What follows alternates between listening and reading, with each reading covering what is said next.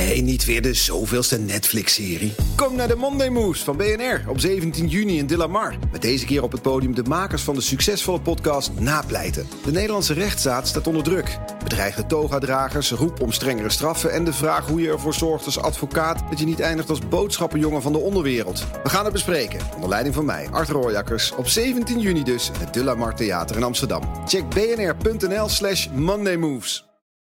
Dijk. Postma in Amerika. Tijd voor het Amerikaanse nieuws door de ogen van onze correspondent in Washington, Jan Postma. Jan, de Democraten zijn kritisch op hun eigen president Biden. Want hij is niet genoeg zichtbaar.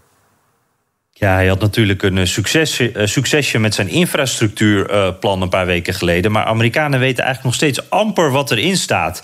En zijn er dus eigenlijk ook niet heel positief over. En in de partij maken ze zich nu zorgen. Want als dit plan niet beter verkocht wordt aan het Amerikaanse volk, als Biden dit niet beter uitlegt, en ook ja, dus echt langs de deuren gaat, bij wijze van spreken, om dit uit te leggen, dan plukken de Democraten er straks ook niet de vruchten van, vrezen zij. En zij zijn bang eigenlijk dat op dit moment het al een beetje te laat aan het worden is. Want de Republikeinen die praten er wel over. En een soort framingoorlog uh, die, die daarover gaande is. En dat die Republikeinen dat al uh, gewonnen hebben. En daar is heel wat uh, gesteggel over. Van ja, we moeten Biden meer op tv zien ook. En als je kijkt naar de cijfers.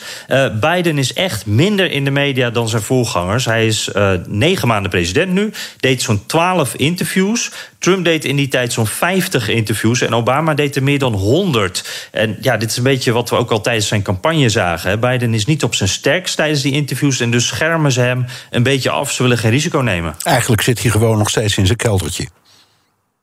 Ja, zoiets. Joe ja. zit nog steeds een beetje, maar dan de Witte Huiskelder ja, inderdaad. Okay. Ja. Het Witte Huis zegt dat Biden ook in 2024 mee wil doen aan de verkiezingen. En dat geeft Amerikanen vandaag bij het Thanksgiving-diner een mooi gezelschapsspelletje. Ja, ja, we hebben hier gewoon een uh, vrije dag, uh, Bernard. Ik heb de Thanksgiving Parade, de Macy's Thanksgiving Parade, ook op tv in uh, jouw mooie New York. ja, er wordt enorm over gespeculeerd vandaag, denk ik, aan, aan de, de, de tafels. hij is nu 79. In 2024 wordt Biden 82. Ga je dan echt nog een keer meedoen? Ik, ik geloof er zelf niets van, maar het Witte Huis zegt dus van wel. En de reden dat er zo over gepraat wordt, is natuurlijk dat Biden's approval rating laag is. die van Kamala Harris is ook heel laag. En dat is natuurlijk zijn behoogde opvolger. En dus is er nu zo'n, uh, ja, onder Democraten zo'n gezelschapsspelletje ontstaan van uh, ja, speculeren. Wat moeten ze doen? Wat is nou het beste richting 2024? En ik denk zelf eigenlijk, ben benieuwd wat jij vindt, dat Biden wel moet zeggen ook dat hij het doet. Want anders wordt het natuurlijk helemaal chaos in die partij. En uh, voor de congresverkiezingen van volgend jaar zal hij het sowieso volhouden dat hij gewoon weer van de partij is. Want, want anders is hij geen partijleider meer. Nee, nee maar je kan ook zeggen dat. dat Kamala Harris en Joe Biden elkaar in de weg lopen in dat spel. Want als hij zegt: ik word kandidaat, ja, dan moet Kamala zich koest houden. En andersom ook.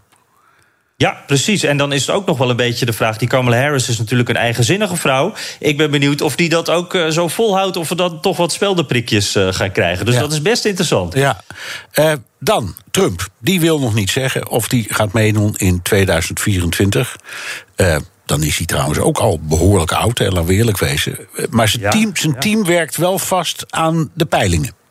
Ja, en daar, dat wordt dan gelekt. Daar kijken we allemaal naar natuurlijk. Uh, het ging over de vijf beslissende staten van 2020. Uh, Arizona, Georgia, Michigan, Pennsylvania en Wisconsin.